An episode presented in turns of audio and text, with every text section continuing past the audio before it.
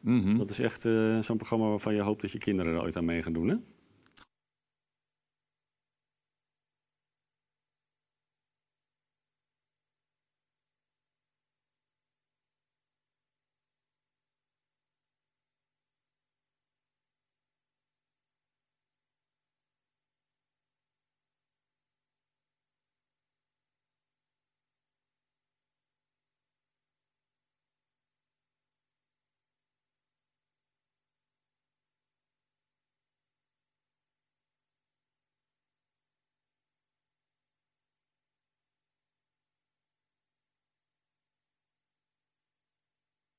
Welkom bij Profile. Onze ondernemende gast vandaag is Julius Kousbroek, oprichter van We Pay People. jij hoorde niks? Oké. Lekker.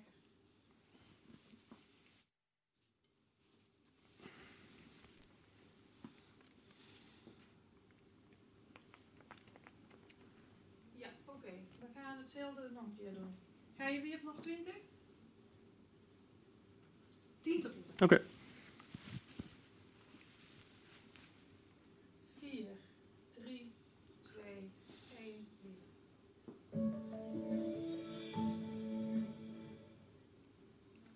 Welkom bij Profile. Onze ondernemende gast vandaag is Julius Kousbroek, oprichter van We Pay People en eh, jonge denker namens het eh, bedrijfsleven.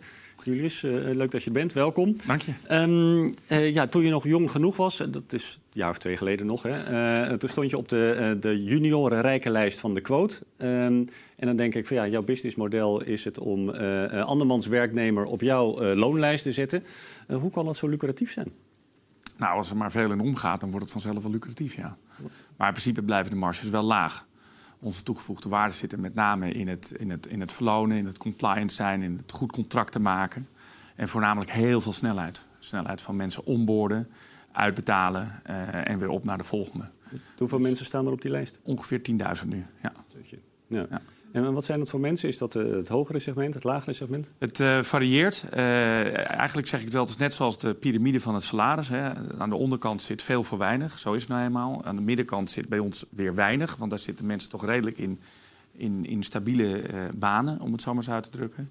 En aan de bovenkant hebben we dan ook weer een pluk zitten, wat weinig is voor veel. En dat zijn voornamelijk mensen die uit het buitenland komen. En dan, dan niet per se de, de Poolse medewerkers in de kassen, maar meer de eh, ja, hoger opgeleide ICT-mensen, mensen die in vliegtuigen sleutelen, eh, dat soort dingen. Ja. Ja. En wat is het gemiddeld salaris van eh, iemand op jouw loonlijst? Oei, dat is trouwens een goede vraag, want dat is maar net hoe je die benadert. We hebben sowieso elke dag discussies over, de, over definities van wanneer is iemand een medewerker van ons en wanneer niet, en et cetera. Ja. Maar ik verwacht dat het rond de 13, 12, 13 per uur ligt. Ja. Ja. En, en hoe lang is het geleden dat je het zelf voor zo'n salaris moest doen? Eh, dat is wel een tijd terug, denk ik, ja. maar mijn ondernemerschap is altijd wel... Ik ben vanaf mijn twintigste ondernemer. Dus dan, als je het een beetje handig doet, dan kan je daar wel omhoog eh, komen. Ja. Maar het is inderdaad waar. We werken gewoon veel voor de onderkant eh, van de arbeidsmarkt. En eerlijk gezegd hebben die mensen het juist nodig... dat partijen zoals wij ertussen zitten. Waarom? Nou, kijk, die werkgevers die kiezen niet voor niets voor ons. Dat type werkgever, dat heeft er namelijk zelf moeite mee om het, om het goed te doen. Eh, kijk, ik zeg het wel eens, van, kijk, een horecabedrijf in de stad is niet de beste werkgever. Eh, tenminste in, in financiële en in eh, ehm, compliance en in contracttechnische zin. Mensen hangen een briefje op, ze gaan er werken. En drie weken later is het, oh ja, er moet nog ergens salaris betaald worden. Oh, er was iets en dan moet je hem even bellen. Ehm, eh, dus, dus wij helpen die klanten, maar uiteindelijk zijn die medewerkers er ook beter bij af. Die kunnen dus gewoon ons bellen als ze ziek zijn. Ja, ja, ja, Ja. Dat scheelt. Hey, en in die onderkant van de arbeidsmarkt, wat zie je daar, voor, eh, wat zie je daar allemaal gebeuren? Is dat allemaal een beetje goed geregeld? Nou, ik, ehm, eh, qua arbeidswetgeving is het heel beschermend. Dus die, mensen die worden niet benadeeld vanwege, die, vanwege de wetgeving. Hè, wij, niet alleen wij, maar dit is, dit is best, best goed geregeld, als ik heel eerlijk ben. Wat je natuurlijk wel ziet gebeuren, is een steeds grotere wil naar flexibilisering vanuit de werkgever en soms ook wel vanuit de werknemer zelf. Ja, waardoor je toch het, toch het begrip stapelbanen een beetje, een beetje krijgt. Wat dus heel negatief door, wordt uitgelegd eh, door, door met name de linkerzijde van het spectrum. Ehm, eh, en er zitten ook negatieve aspecten aan. Alleen, eh, je kan niet alles oplossen. Maar stapelbanen, dan denk ik aan iemand die meerdere banen nodig heeft om rond te kunnen komen. Nou ja, dat, zo zou je het kunnen zeggen, maar ik zie het anders. Hè. Ik denk dat je natuurlijk toch naar een manier van werken gaat... waarbij je misschien twee of drie taken op een dag krijgt, krijg, krijgt straks. En, uh, en, en dan is het alleen, wat mij betreft, mijn métier ook zaak... dat het goed geadministreerd wordt en geregistreerd... waardoor je dus bij alle taken die je doet op de juiste manier wordt beloond... en afdrachten creëert. Ja. En, en de, de, onderkant van de arbeidsmarkt, uh, ja, ik kan me voorstellen dat je ook een hoop ellende tegenkomt. Hè? Ja. Loonbeslagen en uh, dat soort. Uh... Ja, dat is verschrikkelijk. En daar strijden wij ook al, al jaren tegen. Dat is een. kijk, loonbeslagen as such, dat is een middel van een schuldeiser om, om, om, om, om zijn schuld te innen. Maar dat is eigenlijk gewoon belachelijk hoe dat hier gaat in Nederland. Echt belachelijk. Waarom dan? Nou, ik vind dat schuldeisers een heleboel rechten hebben om hun, om hun schulden te innen.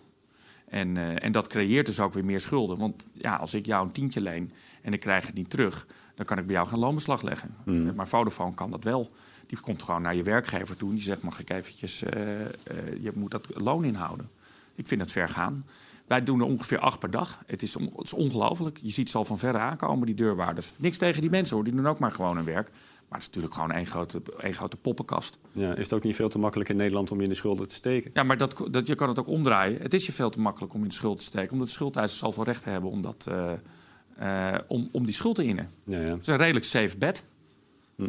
Als ik heel eerlijk ben. En het, is, het, het, spijt me, het is echt heel lullig om te zeggen. Maar ja, als ik bij de balie sta om iemand op te wachten... dan zie ik daar die, uh, die deurwaarders gewoon binnenkomen. Dan denk ik, nou, weer een arme drommel die 100 euro erbij opkrijgt... zonder dat, dat je, dit is één grote poppenkast. Ja, ja, ja. Ja. Even terug naar het begin. Hoe kwam je er eigenlijk bij om uh, uh, dit payrollbedrijf op te zetten? Ik uh, ben begonnen met een chauffeursdienst. Ja. daar heb ik echt een ontzettend leuke tijd gehad. Met onwijs leuke klanten. Daar leer je nog eens wat van. Ja, je bent de chauffeur geweest van Elko Brinkman nog. Ja, ja, ja, ja maar ook van Karel Vuursteen. En, en nog een paar toplawyers van Ellen Overy. Dus ik heb wel een goed voorbeeld gehad. Ja. ja. Maar heel leuk, heel leuk. Met, met Elko Brinkman heb ik een hele goede band opgebouwd. En uh, we hebben ook, hij was toen voorzitter van die bouwvereniging midden in die bouwcrisis. Dus uh, ik heb wel wat geleerd daar, ja. ja, ja. En, maar goed, dus je had die chauffeurdienst. Ja, had ik een mannetje of 20, 25 die studenten, die, waar het al moeilijk genoeg was om ze te laten komen opdagen. die had ik dus bij een payrollbedrijf gestald. Dat vond ik eigenlijk wel makkelijk. zodat daar het loon en het salaris werd geregeld en de uren werden verwerkt. en ik kreeg alleen de rekening. Dus dat was ideaal. Alleen het probleem was dat het payrollbedrijf, dat, uh, dat groeide dus keihard. En ik Ja. kende die eigenaar ook ervan. Ik ken hem nog steeds trouwens goed. En uh, ja, hij ging wel ieder jaar een grotere auto rijden. En ik blijf gewoon chauffeur. Dus er zat wel een bepaalde... dat, dat voelde, niet, uh, voelde niet helemaal goed. En op een gegeven moment, ja, toen 2005 was ik een jaar 25, 23, 2006. Nou, toen dacht ik, ja, ik moet ook wat anders. Toen ben ik nog een tijdje makelaar geweest.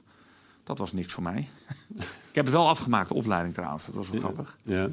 En uh, uh, daarna heb ik, dacht ik eigenlijk van ja, dat payroll, dat is, dat is, dat, er zit wel wat in. Toen heb ik mijn compagnon erbij gezocht en gevonden. En toen zijn we eigenlijk met uh, dat chauffeursbedrijf als klant en nog een paar andere dingen zijn we gestart met een klein plukje omzet. En uh, daarna is het eigenlijk keihard gegaan. Ja. Ik heb me wel eens laten vertellen dat je uh, je zakelijke succes dankt aan de fax. Ja, dat was wel mooi. Dat was uh, 2009 juni. Want in oktober werd die nieuwe telecomwet van kracht. En dan mocht je niet meer zomaar spammen. Ja. Waaronder ook faxen. Dus wij hadden op, uh, op het laatst hadden wij een, uh, nog zo'n zo bedrijf dat die faxmailings verzorgt. Want we het eerste paar zelf keer lopen pielen met modems, waardoor alle computers uitgingen. Dat ook niet echt heel erg op. Ja. Dus belden we toch maar een bedrijf. Ja, die wilde dan, uh, weet ik wat, 10.000 euro hebben. Maar we zeiden van ja, maar jij bent over een paar weken out of business. Ja, dat was dan wel zo. Dus kan je ons niet even helpen? Moet die factuur nog een keer opzoeken. Maar volgens mij hebben we toen voor 2500 euro 100.000 faxen kunnen versturen. Tegen bomen gekost, maar goed. Nou ja, goed. Nee, ja, en wat inkpatronen trouwens. Want daar kregen we nog uh, daar kregen we behoorlijk gezeur van. Want dat, na een jaar, na dato, bleven mensen nog bellen... omdat ze dan toevallig weer een nieuw inkpatroon in dat ding hadden gestopt. en begon alsnog die faxen eruit te komen rollen. Dat was echt lachen. Hm. En iedereen had nog een faxnummer. Dus uh, weet je, elke keer als mensen weer dat ding ergens in de stekker staan... dan begon het ding te ratelen. Nee, maar het heeft onwijs veel uh, klanten opgeleverd. En er stond eigenlijk niks anders. We zijn de beste en we zijn de goedkoopste. Hm. En het was heerlijk, want die, die payrolling-markt was niet zo transparant. De pricing daarvan althans. Dus de, wat je, wat je, ja, hoe, hoe die tariefstructuur in elkaar zat. En wij waren de eerste die daar keihard transparant in waren. want ik zat nog te denken, het lijkt me nog best wel lastig om in deze sector eh, echt je ondernemerschap op het bedrijf te drukken. Omdat het natuurlijk heel erg eh, gereguleerd is, eh, stel ik me allemaal zo voor. Eh, eh, terwijl jij eh, bekend staat als een mega eigenwijs persoon. Het, het verhaal gaat dat je ooit ontslagen werd bij de McDonald's... omdat ze het niet op prijs stelden dat jij ging vertellen... dat het proces wel wat efficiënter kon. Hadden ze achteraf wel gelijk in, hoor, denk ik. Na drie weken als 16-jarige dat vinden. Ja. Ja, maar het lijkt me nog best wel ingewikkeld om als vrije geest... in zo'n gereguleerde markt terecht te komen. Nou ja, ik heb me ook met die operatie eigenlijk nooit zo heel erg bezig gehou- gehouden, moet ik heel eerlijk zeggen. Dat was meer mijn compagnon en later natuurlijk andere mensen. Ik zeg wel gekscherend, we hebben een prachtige portal. Ik ben er zelf nog nooit op ingelogd, trouwens echt waar. Ja. Terwijl er waarschijnlijk het meeste investeringsgeld naartoe gaat van het hele bedrijf. Maar dat is het punt niet. Wat je, wat je als ondernemer ziet, is dat, je, dat, dat het bedrijf dat groeit. En dat groeit echt niet omdat meneer Kousbroek nou zo ontzettend een enorme in de sales en praktisch is. Nee, dat groeit omdat er een behoefte is. Dus als je naar die behoefte gaat kijken, dan, dan volgt de doorontwikkeling van die dienst zelf. En ik vind die behoefte leuk. Ik vind dat interessant, dat aspect ervan. Hm. Hoe zou bellen die klanten ons? Niet omdat wij zoveel beter zijn dan die concurrent. Ja. Hoe zou bellen die klanten überhaupt een payrollingbedrijf, ga je dan denken? En met name als je daarop gaat focussen, dan, eh, ja, dan, dan liggen dus in betrekkelijk saaie businesses. Want dat is het wel. Ik bedoel, nooit iemand gehoord die eh, heel warm liep van een loonstrook. Eh, en eh, ja, dat is wel helemaal onze business. Maar dan, dan kan je dus inspelen op die behoeften. En, dan, en als je dan echt goed bent, dan ga je het niet, blijf je niet voor die laagste prijs gaan. En eh, om, om klanten te lokken, maar dan zorgen dat, dat je dan toch de, die hele business een beetje opkrikt. Ja. Door te zeggen, wij zijn echt goed, bel ons nou maar. Ja, ja. Eh, Je had het over je compagnon, die is eh, nou, niet al te lange tijd geleden vertrokken. Ehm, eh, daarna heb je jezelf eh, behoorlijk wat vrijheid gegund, want je bent in een week of elf bij de hele wereld over gaan reizen. En dan kan ik me voorstellen dat je tijdens zo'n reis ook eh, tot gedachte komt van... ja, wil ik dit zelf eigenlijk nog wel eh 20, 30 jaar doen? Ehm, ja, wat dacht je toen? Nou, dat is, dat is grappig dat je dat zegt. Ik heb natuurlijk gekozen om het zelf te doen. Want als je je compagnon uitkoopt, hè, want dat is gebeurd... dan kies je er ook voor om het zelf te blijven doen. En natuurlijk zet je dat aan het denken. En dan weet je, oké, weet je, de eerste paar jaar moet ik het zelf blijven doen. Want ik heb gewoon een bedrag betaald. En dat moet terug worden verdiend via de zaak. Hoe Aan was andere- dat? Nou, dat, eh, daar mag ik niks Oh, van dat mag je niet zeggen. Sorry. Oh, nou. Scherp, scherp, scherp. het, was, eh, het, was, eh, het was een mooi bedrag, moet ik eerlijk zeggen. En die onderhandelingen gingen gelukkig ook wel goed. Want dat zie je natuurlijk vaak bij twee oprichters. Daar kan je best gedoe over krijgen. En dat is eigenlijk niet gebeurd. Dus daar ben ik echt wel blij mee. En ja, hij heeft gekregen wat, wat, wat, wat hij verdiende, zeg maar, op basis van, van de aandelenwaarde. Ja. En daarvoor waren we ook al, weet je, ja, je zit toch in een groeimarkt. We hebben die FD Gezellig gewonnen. Een paar keer. En ja, dan word je echt wel door Jan en alle man de hele dag benaderd van we willen je bedrijf kopen. En de grap is, als je dan zegt waarom, dan begint het eigenlijk vrij snel stil te worden. Ja, Dat is wel jammer. Dus ik zeg niet dat je nooit dat ik die er 30 jaar maar doorga. Dat, dat is ook een bruggetje naar het familiebedrijf van tegenwoordig. Ja, weet je, is dat mijn business? Blijft dat een familiebedrijf? Blijf je 100% risicohouder? Hè? Want dat is natuurlijk ook zo. Mhm. Eh, is het niet gezellig om met wat andere mensen weer te doen? Nou, dat zijn allemaal vragen die, eh, waar je mee rondloopt. Ja, dus je moet eigenlijk nog een keer op reis om de antwoorden te vinden op dat soort vragen. Ja, of je gaat gewoon wachten wat er gebeurt en je focussen op wat er nu gebeurt. Ja, ja, ja. En ik, ik zei al, je bent eh, eh, te oud voor eh, de junioren rijkenlijst van de quote. Je bent ook te oud om het voorzitterschap te blijven bekleden van eh, Ja. de, de jongerenvereniging van VNO-NCW. Ja, dat was je tot je veertigste, geloof ik, hè? ja ze hebben een. ik was, ik was, was vorig jaar, dus formeel was ik 41 toen ik aftrad. Ze hebben in het verleden hebben ze een keer waarschijnlijk die 40 met een jaar opgehoogd, omdat er wat eh, kastekort in de vereniging waren. dat is de beste manier om je omzet te vergroten. Ja. We weten het niet, de geschiedenis vertelt het niet. Eh, dat heb ik eh, drie jaar gedaan en daarvoor drie jaar in het algemeen bestuur of dagelijks bestuur. En dat, daar heb ik echt heel veel plezier en lol van gehad. Ja. Ja. De eerste even, we zijn natuurlijk allemaal wel bekend met de situatie van de vakbonden. Hè. Je ziet dat het aantal leden enorm terugloopt, dat het eigenlijk geen een machtsfactor meer is als je naar de eh, concrete aantallen kijkt. Is dat bij de ondernemers ook zo? Of zijn Nee. die nog wel wel steeds goed georganiseerd? Ondernemers zijn per definitie goed georganiseerd. Hm. Dat heb ik altijd al gevonden. Hm. Ehm, eh, die hebben gewoon hun belangen hebben ze best wel gestructureerd ondergebracht. En natuurlijk zou je natuurlijk in een crisis wel eens zien, maar ondernemers klitten altijd bij elkaar op het moment dat ze denken dat er een gezamenlijk belang is. Ja, ja. Echt. Ja. Nee, dit is echt goed georganiseerd. En de kennis bij VNO is enorm. Is dat niet een beetje oneerlijk als je de werkgevers en de werknemers aan tafel zet? Ja, het hangt, hangt er vanaf hoe je natuurlijk, als je die twee groepen apart blijft bekijken op deze manier. Maar uiteindelijk is het heel lastig. Weet je, een, een onderneming heeft, heeft gezamenlijke eh, eh, belangen. Als je bijvoorbeeld, kijk, we hebben al 1,2 miljoen ondernemers die niet georganiseerd zijn. En dat noemen ze ZZP'ers. En daar zie je dat dus datzelfde gebeurt als bij, die, bij, bij werknemers in loondienst die kunnen zich eigenlijk nauwelijks organiseren. Waarom? Er is gewoon te weinig gezamenlijk belang. Ja, ja die ZZP'ers, daar ben je niet zo groot fan van. En ik heb je wel eens uh, horen roepen uh, zelfstandigen zonder premie. Want, en pensioen. Ja. En, pensioen, want je hebt wel eens een onderzoekje laten verrichten... waaruit bleek dat 40% van de ZZP'ers uh, geen inkomstenbelasting betaalt. Hè? Nou ja, ik, dat, weet je, je kan, dat is gewoon het CBS wat die cijfers opleverde. Dus dat was mooi makkelijk. Het was ook geen duur onderzoek, moet ik zeggen. Dus met dank aan de overheid. ja. nee, dat is natuurlijk gewoon idioot wat hier gebeurt. Hm. Ja, in Nederland dan. Maar dat, je kan ook zeggen van nou, het zijn uh, schijnwerklozen die heel veel moeite hebben. Ze zijn niet werkloos. De enkels aan elkaar te knopen, maar jij zegt dat ze juist. Ik heb geen moeite met hoe mensen met elkaar werken in Nederland. Hmm. Dat moeten mensen allemaal zelf weten. Het is fijn dat het bij wijze van spreken zo ontzettend gereguleerd is als het arbeidsrecht. Daar zitten wij dan in met payrolling. Nou, dat heeft ook heel veel beperking. Dus ik snap heel goed dat mensen gewoon vrij snel voor een bestaan als ZZP'er kiezen als ze daar de kans voor zien. En dat gun ik echt oprecht iedereen. Hmm. Maar dat wil niet zeggen dat jij ten opzichte van een werknemer in loondienst zo enorm veel verschil hebt, zou moeten hebben in, uh, in het netto overhouden. Ik ben ook wel eens een keer bij de vakbond geweest, want de vakbond heeft een hekel aan ons. Dus zat ik bij Ton Heert. Al aardig gesprek moet ik zeggen in Woerden. Alleen, hij zegt, ja, maar jij, uh, jij wil het laagste betalen. Ik zeg, uh, nou, dat klopt niet helemaal. Weet je, wij maken marge op loon. Dus hoe meer het loon is, hoe meer marge ik maak. Dus ik, ik vecht daar wel voor. Ik zeg, maar ik heb even een andere groep voor je. En pak me niet op de details van de cijfers, maar dat zal inmiddels wel gewijzigd zijn. Maar ik zeg, als jij, jouw klant is iemand van 35.000 euro aan loondienst, die houdt er 22.000 ongeveer aan over, met allemaal dure pensioenen. En die meneer van 35.000 als ZZP'er, die, dat is hetzelfde werk wat hij doet in de hmm. bouw, die houdt er 29.000 euro aan over. Ik zeg, als jij dat kan uitleggen aan iemand, dat vind ik heel knap. Dat gaat je nooit lukken. Dus, jij, dus met hoe jullie je tentoonspreiden als de hoeder van de werknemers, zorg je ervoor dat dit ontstaat. Ja, ja. Samen met wet en regelgeving van de overheid die dat enabled. Ja. Ja, nu, nu is het kabinet uh, van plan allerlei maatregelen in te voeren om uh, die kloof tussen de ZZP'er en de werknemer te verkleinen. Hè, om het minder aantrekkelijk te maken om uh, als ZZP'er te opereren. Um, zijn die maatregelen die voorgesteld zijn, zijn die afdoende, denk Nee. Wat, nee. Zou er, wat zou er moeten gebeuren? Ja, dat is heel ingewikkeld. Want je hebt dus in, en met Europese regelgeving te maken. En dit probleem is niet alleen beperkt tot Nederland. We hebben ook, ik heb ook gekeken naar het buitenland. Zelfs in Amerika schijnt het een enorme discussie te zijn. dus wanneer ben je dan in loondienst of in dienst en wanneer ben je een, een independent contractor? Mhm. Dus dit probleem is niet zomaar opgelost.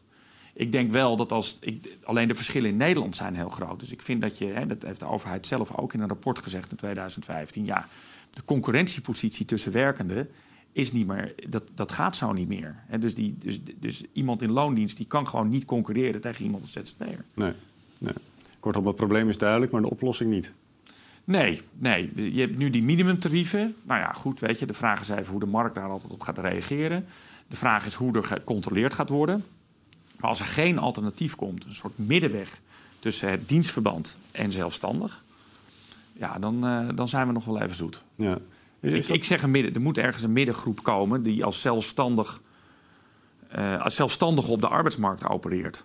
Maar bijvoorbeeld wel gewoon in de loonheffingen afdraagt en wel in de premies kan afdragen. Ja. En nu ben je als uh, bestuurslid of gewezen bestuurslid van VNO duidelijk uh, maatschappelijk betrokken. Is, is het nog een overweging voor je om wellicht een keer naar de politiek te gaan uh, om daar actief in te worden? Nou, het lijkt me altijd het lijkt me leuk. Ik, ben, ik, ben, ik doe veel binnen de VVD. Dat vind, ik ook, dat vind ik ook lachen. Dat vind ik ook echt wat ondernemerspartijen. Buiten dat, ja, VVD zit natuurlijk ook al geruime tijd. sturen ze toch wel een groot gedeelte van het land aan. Ik moet wel zeggen, weet je, het lijkt mij nou niet een beetje, als je nu met je onderneming bezig bent en dan heb je 100% belang in die onderneming. En, en je kan eigenlijk al, dat vind ik jammer. Hè? Je kan eigenlijk alleen maar verliezen in de politiek. Mhm. Ga je daarvoor een beperkte vergoeding, uh, ga je proberen iets goeds te doen. Om vervolgens twee maanden later een of andere brief te krijgen van... Uh, ja, maar die opdracht had met dat en dan ben jij... en opeens is je hele reputatie naar de knoppen. Ja, uh, ja we zeiden net al dat je chauffeur van Elko Brinkman bent geweest. Uh, dat is natuurlijk een aardig voorbeeld hoe je reputatie geknakt kan worden. Ja, dat was verschrikkelijk wat die man heeft meegemaakt. Maar goed, dat is wel de politiek. Frank de Graaf ken ik ook. Ik heb ook wel eens een keer een gesprek mee gehad. Die is natuurlijk ook op een bepaalde manier gewipt. Maar die zegt van dat hoort erbij. Maar natuurlijk als ondernemer heb je geen zin dat je hele reputatie gewoon in één En het vervelende is, je maakt als ondernemer altijd dingen mee die gaan achtervolgen. Mm. Snap je? Er is altijd wel een werknemer die iets lulligs over je te zeggen heeft. Het hoeft Ja. niet gelijk de hashtag MeToo te zijn, maar dat kan ook gewoon een fi- fix arbeidsconflict zijn. En ik hoop, eh, ondernemers die zeggen dat ze het niet mee hebben gemaakt. Weet je, dan moet je, goed arbeidsconflict dat hoort er een beetje bij. Of een keer een leverancier waar je denkt, nou, ik weet het niet. Ja. Eh, weet je, er zijn rechtszaken eh, geweest, weet je, waar je echt gewoon tussen partners, dat, daar ontstaan natuurlijk de ruzies. En eh, een, een, een, een, een ambtenaar of een leraar op een basisschool of iemand in de zorg, die maakt dat en in de bescherming van een werknemer-werkgeverrelatie zit, maakt dat gewoon minder snel mee. Ja. Dus dat is, dat is heel vervelend dat er, dat er iets opgediept kan worden. En dan ben je net goed bezig en maak je daar in je politieke carrière nog geen fout. En dan, en dan krijg je nog eens even zoiets uit het verleden mee. Dan kan je dat aan het publiek gaan uitleggen hoe dat ook alweer zat, Ja. een jaar geleden. Ja, die lijken in de kast, die, eh, die vinden ze wel.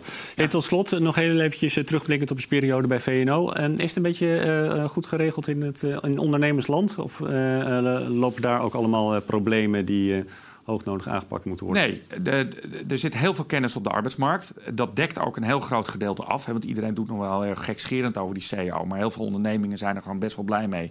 dat die onderhandelingen nog steeds op dat niveau... ook met de bonden wordt gevoerd. Ja. Echt waardevol qua kennis. Eh, voor de grotere, middelgrote bedrijven... die hebben zich natuurlijk altijd weer wat beter georganiseerd... eh, dan het MKB. En daar geldt natuurlijk ook weer voor... omdat er eigenlijk iets te veel belangen zijn. Dus ik snap dat VNO, maar ook MKB Nederland... want it's in the name eh, haar best moet doen om de belangen van het MKB-bedrijf eh, op te pakken. Maar dat is best lastig.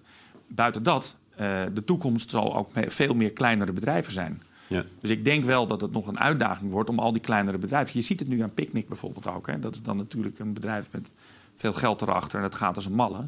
En dan komt er een discussie. Ja, maar wacht even, dat hoort, jij hoort bij de supermarktbranche. Nee, we horen bij de distributie. Dus je, je, dat, dat zal nog een uitdaging worden. Ja, eh, duidelijk. Gaan kijken hoe het eh, verder gaat. Julius, leuk dat je er was. Dankjewel. Ja, dank.